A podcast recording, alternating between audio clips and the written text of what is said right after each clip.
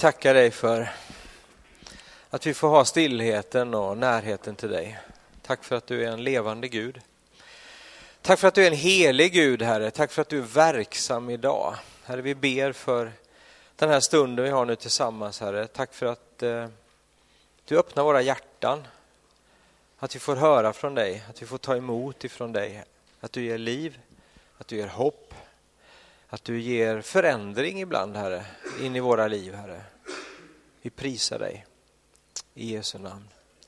Amen. Vad fint.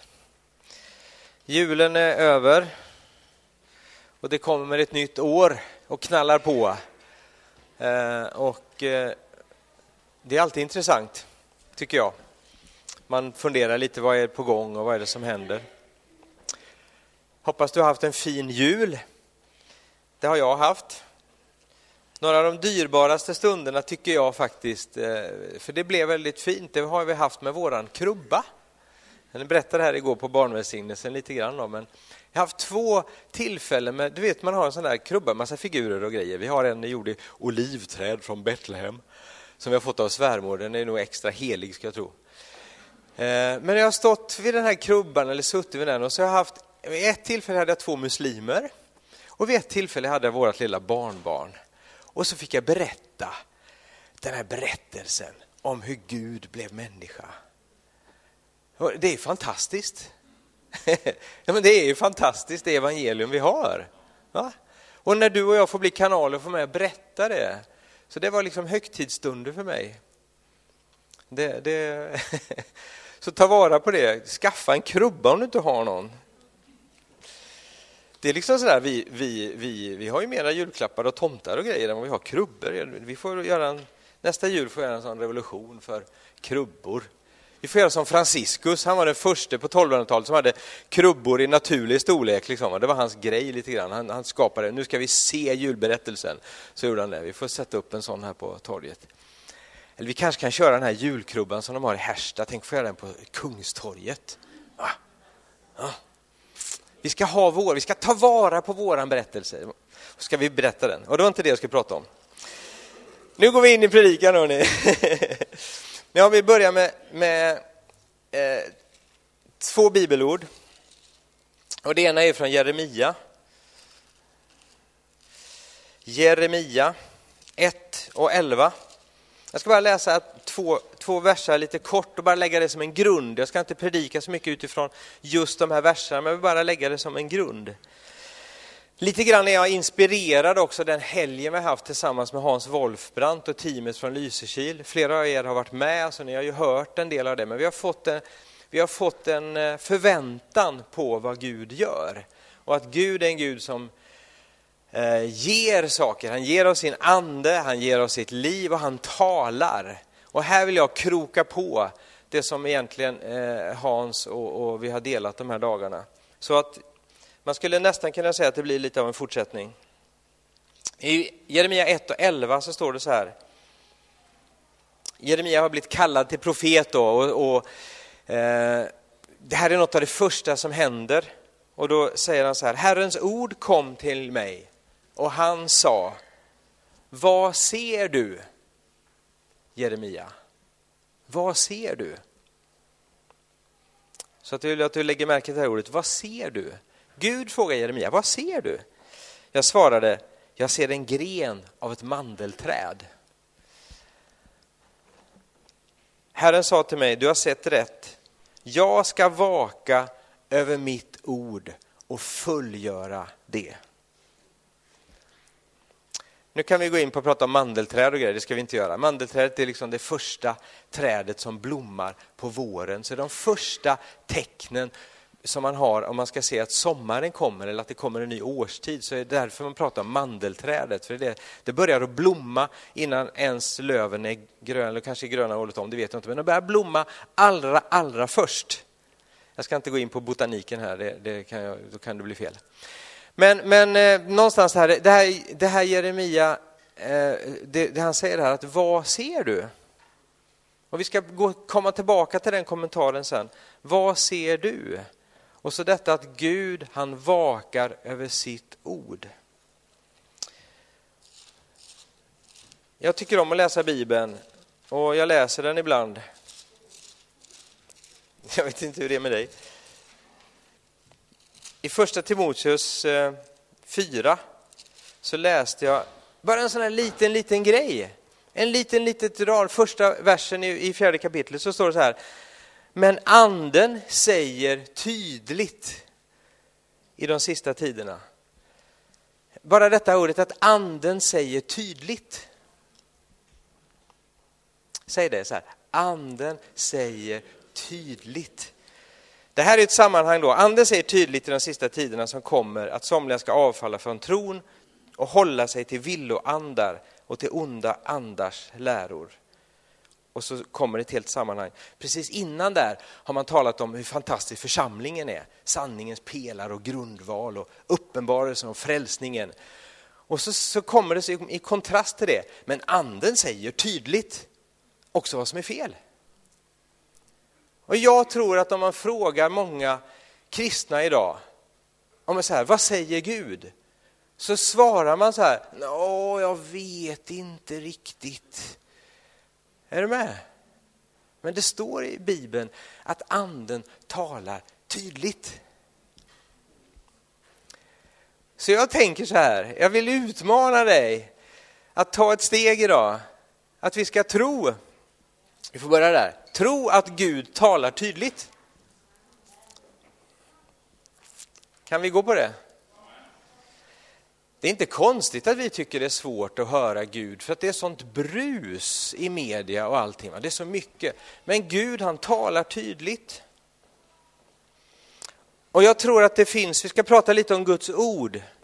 Jag bara fick en mening så här som jag skrev upp, att när vi respekterar ordet så kommer Gud att tala.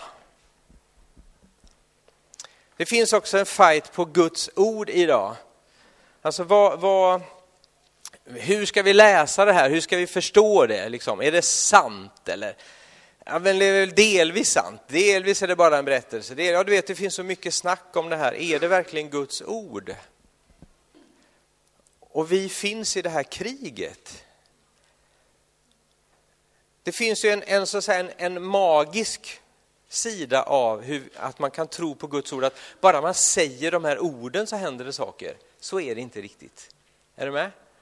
Det är inte bara läsa liksom ordet som någon slags magisk formel, så händer det, eller hur? Är du med på det? Ja. Utan det är ju vad Gud säger i ordet som vi ska tro på. Så Gud säger ju allt det som står här. Men det är inte magi, det är inte så att vi kan bara läsa det högt och överallt och liksom så, så bara det blir något. Va? Det, är inte, det är inte riktigt så, utan det är kontakt med Gud. För vem är det som är ordet? Jesus är ordet. I Johannes evangelium, vi ska bara läsa det tillsammans ifrån början där. Matteus, Markus, Lukas, Johannes. Så står det så här, i begynnelsen var ordet och ordet var hos Gud och ordet var Gud. Han var i begynnelsen hos Gud. Genom honom har allt blivit till och utan honom har ingenting blivit till som är till. I honom var liv och livet var människornas ljus. Och ljuset lyser i mörkret och mörkret har inte övervunnit det. Vi läser ett litet sammanhang här. En man trädde fram, sänd av Gud. Hans namn var Johannes. Han kom som ett vittne för att vittna om ljuset, för att alla skulle komma till tro genom honom. Själv var han inte ljuset, men han kom för att vittna om ljuset. Det sanna ljuset, som ger ljus åt alla människor, skulle nu komma i världen. Han var i världen och världen hade blivit till genom honom och världen kände honom inte. Han kom till sitt eget och hans egna tog inte emot honom. Men åt alla de som tog emot honom gav han rätt att bli Guds barn, åt de som tror på hans namn. De är inte födda av blod eller av köttets vilja eller någon annan mans vilja, utan födda av Gud. Och ordet blev kött och bodde bland oss. Och när vi såg hans härlighet, en härlighet som den enfödde har av Fadern och han var full av nåd och sanning. Så ordet är Jesus. Ordet är, när vi läser Bibeln så är det egentligen en relation till Jesus vi har. Eh, det är det viktigaste, inte att det är liksom en formel för att få saker att bli till. När jag säger det så vill jag utmana lite grann det här att vi, vi har en slags teknisk tro på Guds ord, att, att det bara att säga det så händer saker. Det finns en makt i Guds ord, ja det gör det. Men det handlar om att du och jag behöver få en relation till Gud.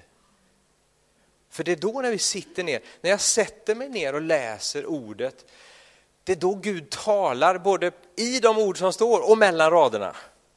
Eller hur? Och där händer det någonting.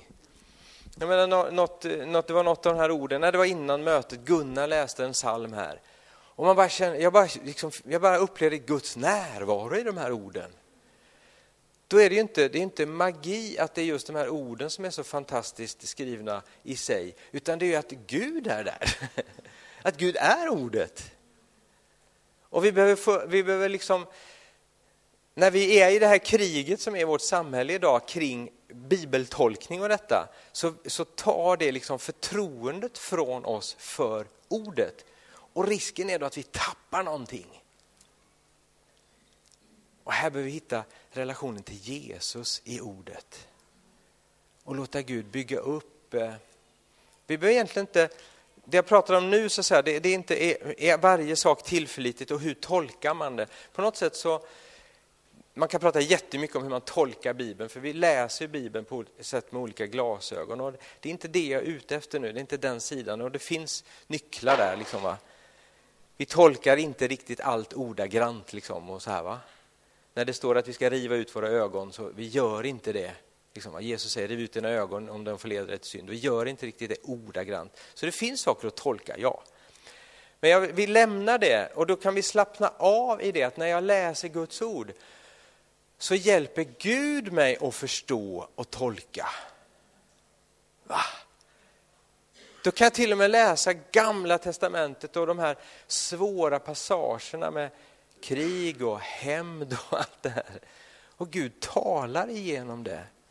För vi har fått Jesus som är frälsningens nyckel. Vi ser frälsningen i Gamla Testamentet när vi läser. Vi ser liksom Guds plan, vi ser inte bara otäckheterna. Och vi behöver få ett förtroende för Guds ord, för Gud talar och anden talar tydligt. Eh, vi ska gå till Paulus och titta i första Thessalonikerbrevet. Hur han relaterar till Guds ord där och det tycker jag är jätteintressant. Första Thessalonikerbrevet 1. Vi läser ett helt sammanhang, det är mycket lättare än att bara plocka ut enstaka versar. Paulus skriver till en församling i Thessalonika, han skriver så här, vi tackar alltid Gud för er när vi nämner er i våra böner. Ty inför vår Gud och vår Fader tänker vi ständigt på er gärning i tron, arbete i kärleken, uthålligheten i hoppet eh, till vår Herre Jesus Kristus. Vi vet att ni bröder, Guds älskade, är utvalda av Gud. Till vårt evangelium kom till er inte bara i ord utan i kraft och den helige Ande och gav visshet. Ni vet väl hur vi upp, ni vet ju hur vi uppträdde bland er och vad vi gjorde och ni blev våra efterföljare.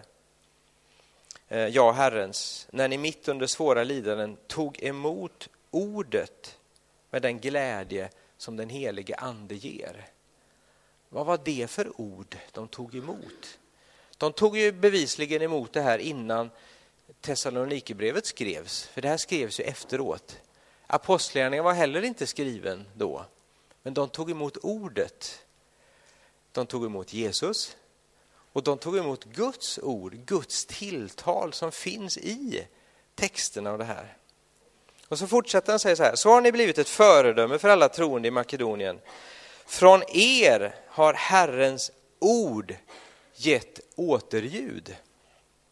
Inte bara i Makedonien och Akaja, utan överallt har er tro på Gud blivit känd så att ni inte behöver säga någonting. Så att vi inte behöver säga något.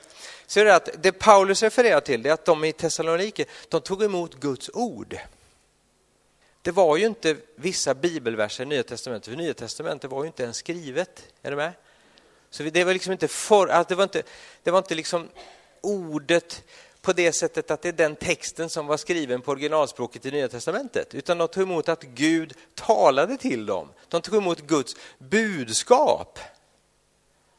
Är du med? Och då kan vi fråga oss själva, då kan vi backa in och tänka så här, vad skulle man säga om dig? Vad skulle man säga om oss som församling? Skulle man säga att Guds ord har gett återljud genom er i Uddevalla? Har, har Guds ord gett återljud genom ditt liv? I din familj, i din släkt, på ditt arbete? Eh, har Guds ord blivit så här fyrkantiga och tänker, vilket bibelord menar han då? Liksom. När vi menar Guds ord, alltså Jesus som tar sig form i ett evangelium som predikas genom, genom ord. Och så, och så talas det ut. Genom saker man har fått från Gud, förstått, upp, fått uppenbarat, som man säger vidare. Det är det som är att ta emot ordet och förmedla det. Jag tror Gud vill resa upp förtroendet för Guds ord. Så att du och jag, vi bär på Guds ord. Vi bär på tilltal i våra liv. Jag tror redan vi gör det, men jag tror att Gud vill förnya det här. Vad har Gud sagt till dig? Vilka bibelord har du speciellt fått? För när vi läser bibelord så att det är Jesus som är ordet, då är det så att vissa bibelord, dunk, de landar ner i vårt hjärta och de betyder någonting. För att det, det är liksom Jesus som har gett dem liv i våra, li, i våra liv. Är du med? Och när vi då börjar tveka på om Guds ord är sant, allt det här som liksom man håller på med i debatten, då börjar jag ju snart tveka på, men det jag tror ju, det här ordet har varit viktigt för mig, vågar jag liksom tro på det? Ja, det finns kraft i Guds ord. Inte för att det är magi, utan för att det är Jesus som har sagt det. Och Jesus är levande och han talar idag och han talar tydligt. Amen. Tiden går. Tiden går så fort när man har roligt. Eh, bara några saker. Alltså, vi, vi, vi, jag tycker det, det gäller att det är relevant det vi gör. Va? Alltså, vi slåss mot en förnuftstro idag, där tro är fint och bra. Det blir goda människor som gör bra saker. Jag vill vara en god människa och göra goda saker, men någonstans så handlar den tro och de ord som Gud planterar ut, det, det går inte att jämföra med en förnuftsbaserad tro. Vi kan plocka några små exempel. Vi kan ta rättfärdighet. Vad är det som, som Bibeln säger? I Romarbrevet 1 och 17 så står det den så står det, tror jag skrivit upp det, rättfärdighet från Gud uppenbaras i evangelium av tro till tro, som det står skrivet, den rättfärdige ska leva av tro. Om vi inte förstår ordet och undervisningen som står i Guds ord, så kommer vi inte kunna leva i rättfärdighet. För en förnuftsmässig rättfärdighet, den är att jag måste göra gott för att bli rättfärdig. Men det Guds ord säger, det är att Jesus har gjort mig rättfärdig först, så att jag kan göra goda saker som motiverar mig till att göra rätt saker. Vi kan aldrig liksom jämföra en förnuftsmässig tro med det som ordet säger. Det kan inte förenas på några villkor. Och när du och jag blir påverkade av så att säga, en humanistisk tro, då hamnar vi i prestation. Och jag måste göra för att duga. Jag måste prestera för att lyckas. Jag måste liksom hävda mig själv. Medan lever vi i ordet, så lever vi att Gud har accepterat mig fullt ut. Genom blodet på korset, genom Jesu död och uppståndelse, så har han gjort mig fullständigt rättfärdig. Jag behöver inte göra något, för det är redan gjort. Och när det landar i mig, då kommer jag känna så här, jag vill tjäna Gud för jag älskar honom. Och det blir en, på rättfärdigheten blir det en respons. Jag vill också handla och göra saker, agera. Och vi kan aldrig kompromissa det här. Vi måste ha en uppenbarelse av ordet. Vi var inne på det här med evigt hopp förut. Det eviga hoppet, att vi har ett evigt liv. Vi kan aldrig förnuftsmässigt så att säga, tycka att det är lite jobbigt, här med, e- vi har nog egentligen inte evigt liv. Så att säga, det är nog bara något vi säger, liksom, så här. det är nog bara så här. Va? Så säger en förnuftsmässig tro, det spelar ingen roll, vi ska ju ändå leva nu, vi ska ha ett gott liv nu, liksom. det spelar ingen roll vad som händer sen. Det är de här sakerna som infiltrerar i kyrkan också, det är ju så. Men om vi förstår ordet så säger Jesus att om vi är födda på nytt genom honom så har vi ett evigt liv. Har du bråttom? Nej, jag har ett evigt liv. Vad är problemet? Jag har frid. Jag har ett evigt liv med Gud. Det är lite jobbigt nu, men det ordnar sig säkert. Vi har en hel evighet på oss. Du kan aldrig kom, liksom kompromissa med det här. För lever vi i tron att vi bara har den tid vi har här och det bara hänger på oss, så är det ju jättepressigt, jättejobbigt, jättestressigt. Är du med? Men när Gud, när vi går in i Guds kalender, vi lever med ett evigt hopp. Det är vad ordet säger. Det finns flera sådana här områden och de kan vi ta upp efterhand. Det här som man plockar bort då, de här bitarna med, nej men Jesus uppstod då kanske inte från de döda. Ja men då spricker ju allt det här. Maria, liksom, det var nog, det var nog någon, det var nog någon man som befruktade henne, det var nog inte jungfrufödsel. Det är liksom hela tiden är att petas i det här, är du med? Varför då? För att vi ska hamna i en slags förnuftstro, istället för att tro på att Gud är den Gud är. Så vi behöver liksom få, få upp förtroendet för Guds ord. Annars tappar vi också att Gud talar specifikt till oss och då blir vi bara som vindflöjlar. Nu går vi in i del två i min predikan. Den är så här, vad ser du? Och då tänker jag så här, om vi då är, vi tror på Jesus, det tror jag alla här inne, inne gör. Herre, vi tror på Gud, vi tror på en helig ande. Och så kanske Gud säger till dig, för att tala till dig, vad ser du? Jag tycker det är, så, det är liksom Guds pedagogik. När Jeremia då skulle börja i tjänst så började Gud att fråga, vad ser du? Gud räknar med oss när han talar till oss. Han såg ett mandelträd. Jag vet inte om det var så att han liksom utanför fönstret där, där han var när Gud talade så såg han ett mandelträd eller om han såg det som en bild i, i anden, det vet vi inte.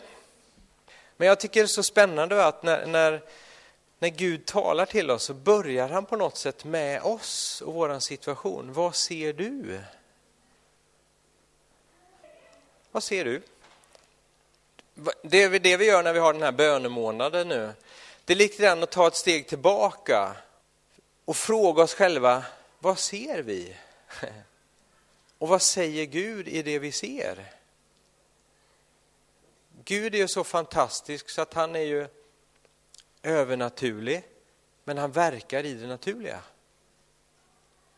Han använder det vi ser, det, vi, det som finns runt oss och så talar han in i det. Och han talar tydligt. och då kan man fråga sig så här, att, bara en liten hjälp här i, vad, vad, vad är det jag ser? Jag vet inte om du kommer ihåg, Hans Wolfbrand delade, han sa så här att är det något område där jag ser Gud verka, så gå åt det hållet. Är det något område där, där du ser smörjelsen, säger vi ibland, eller vi ser den helige ande verka, så, så rör dig ditåt.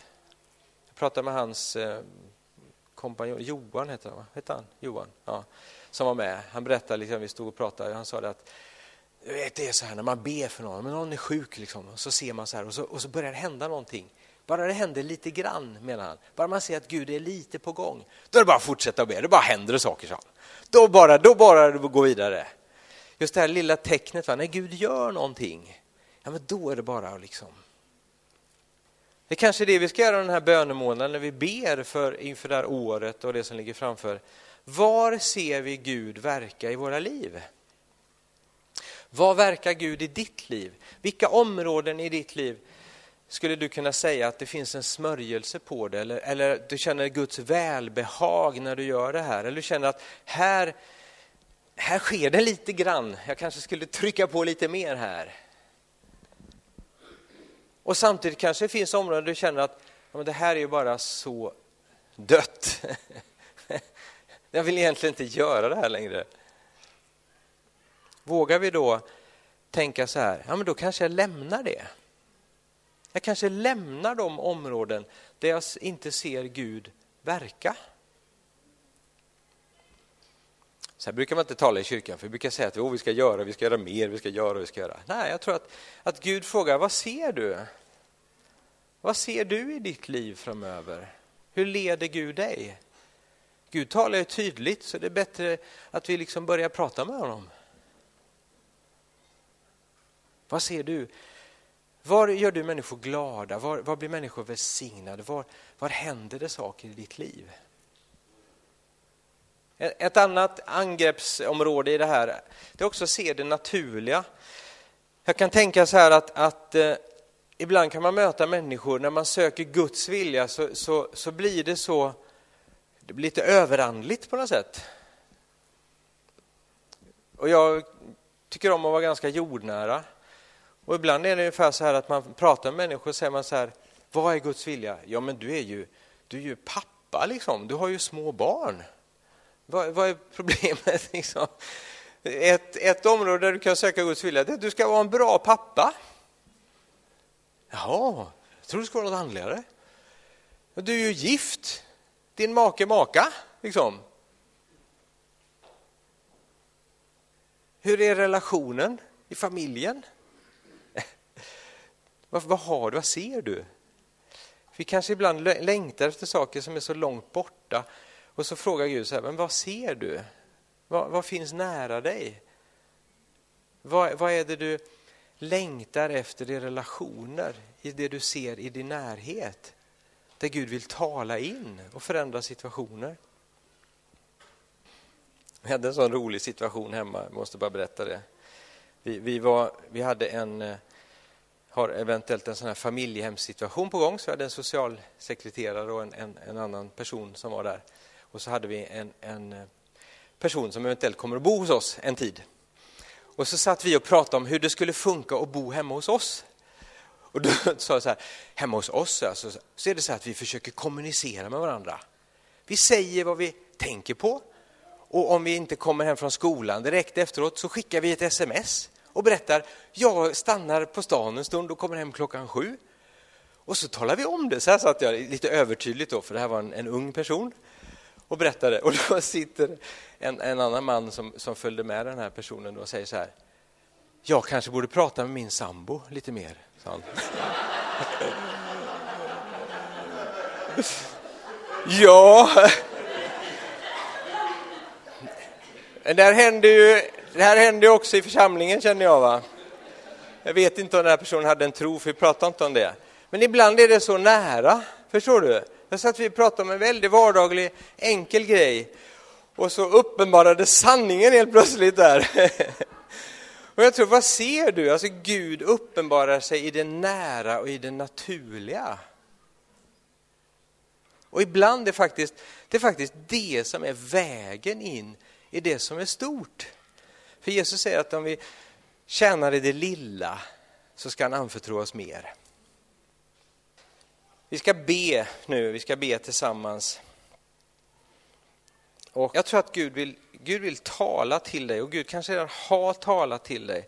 Och jag tror att det finns några stycken här som upplever, vi ska bjuda in till det lite i förbön i alla fall, in till, du som står i någon typ av förändring. Du känner att det finns en förändring här i ditt liv på något sätt, nya steg som du är inne i att ta eller som du behöver ta. Ibland behöver vi hjälp i de där situationerna, bara få säga ett ord och få förbön och hjälpas åt med det. För Gud vill tala tydligt till dig. Någonting som Gud talar i år, upplever vi, det, det är gemenskap. Gemenskap med Gud, att den får fördjupas. Gemenskap med andra människor. Att den får bli äkta och sann. Ibland tror jag Gud talar till latmasken i oss och säger att släpp lite bekvämlighet, kom loss. Och till någon annan kanske Gud talar lägg några saker åt sidan för du, du håller på att stressa sönder dig. Gud talar olika saker till oss för att vi är i olika situationer. Vi ska bli fram till det här med förändring i alla fall. Men jag bara upplevde en sak till, att, som gäller några eller någon eller några här. Det är att du har varit en, du har varit en kristen mycket för din egen skull, för saker du har fått ut av det. Och det finns ett steg du behöver ta, där du blir en kristen utifrån att det är faktiskt Gud som har kallat dig och som Anders delade, han, han har ett uppdrag för dig. Och när man får vända på den skutan, så att säga, va? när jag är inte kristen för att jag får ut något av Gud, utan jag är kristen för att jag vill ge något till Gud, så kommer det, det kommer helt förändra din världsbild.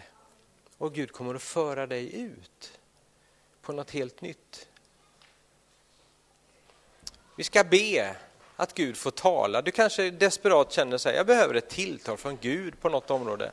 Vi kan be för dig. Välsigna dig. Du som står i en förändring. Det kan vara en liten förändring, det kan vara en stor förändring.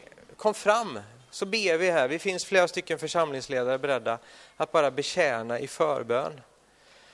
Och ta tillfället i akt. Jag skulle vilja om vi fick be för Erika och Filip. Ni står i en ny situation. Det är en förändring. Man får man välsigna er, ni kan också få komma fram här sen. Herre, vi tackar dig för att du talar. Tack för ditt ord, Herre. Att det är våran bibel, men det är också det ordet du talar till oss specifikt in i olika situationer, Herre. Och jag tackar dig att du talar tydligt, Herre. Herre, nu lägger vi av oss all, eh, allt humanistiskt sätt att se på vår tro, all förnuftstro på det sättet. Herre, vi vill tro på dig Jesus som person. Vi vill eh, upphöja dig som vår frälsare, som den som också talar, visar vägen, som leder oss, Herre. Tackar dig för den här stunden här, att det kan vara en, en ny stund av överlåtelse, en ny stund av ta nya steg. Tack att vi bara får söka dig tillsammans, Herre. Vi får söka dig under hela den här månaden, under bönekvällarna. Vi får uttrycka saker vi ser, saker vi längtar efter, saker vi vill ska ske. Och vi får komma till dig med det, Herre och du talar in i det. Du kanske talar gå, skynda dig, sätt fart. Du kanske talar vänta. Du kanske talar låt det vila ett tag. Herre, du talar om prioriteringar. Du säger till eh, vissa att ta upp saker och starta och börja saker. Och till vissa att lugna ner sig lite. Hitta tiden med Gud hitta tillbaka till tryggheten och friden och glädjen. Tackar dig för varje förändring, Herre, som för oss vidare på vägen närmare dig, närmare din plan för våra liv, närmare ditt rike, Herre. Så nu ger vi dig den här stunden, Herre, i Jesu namn. Amen. Tack, Herre.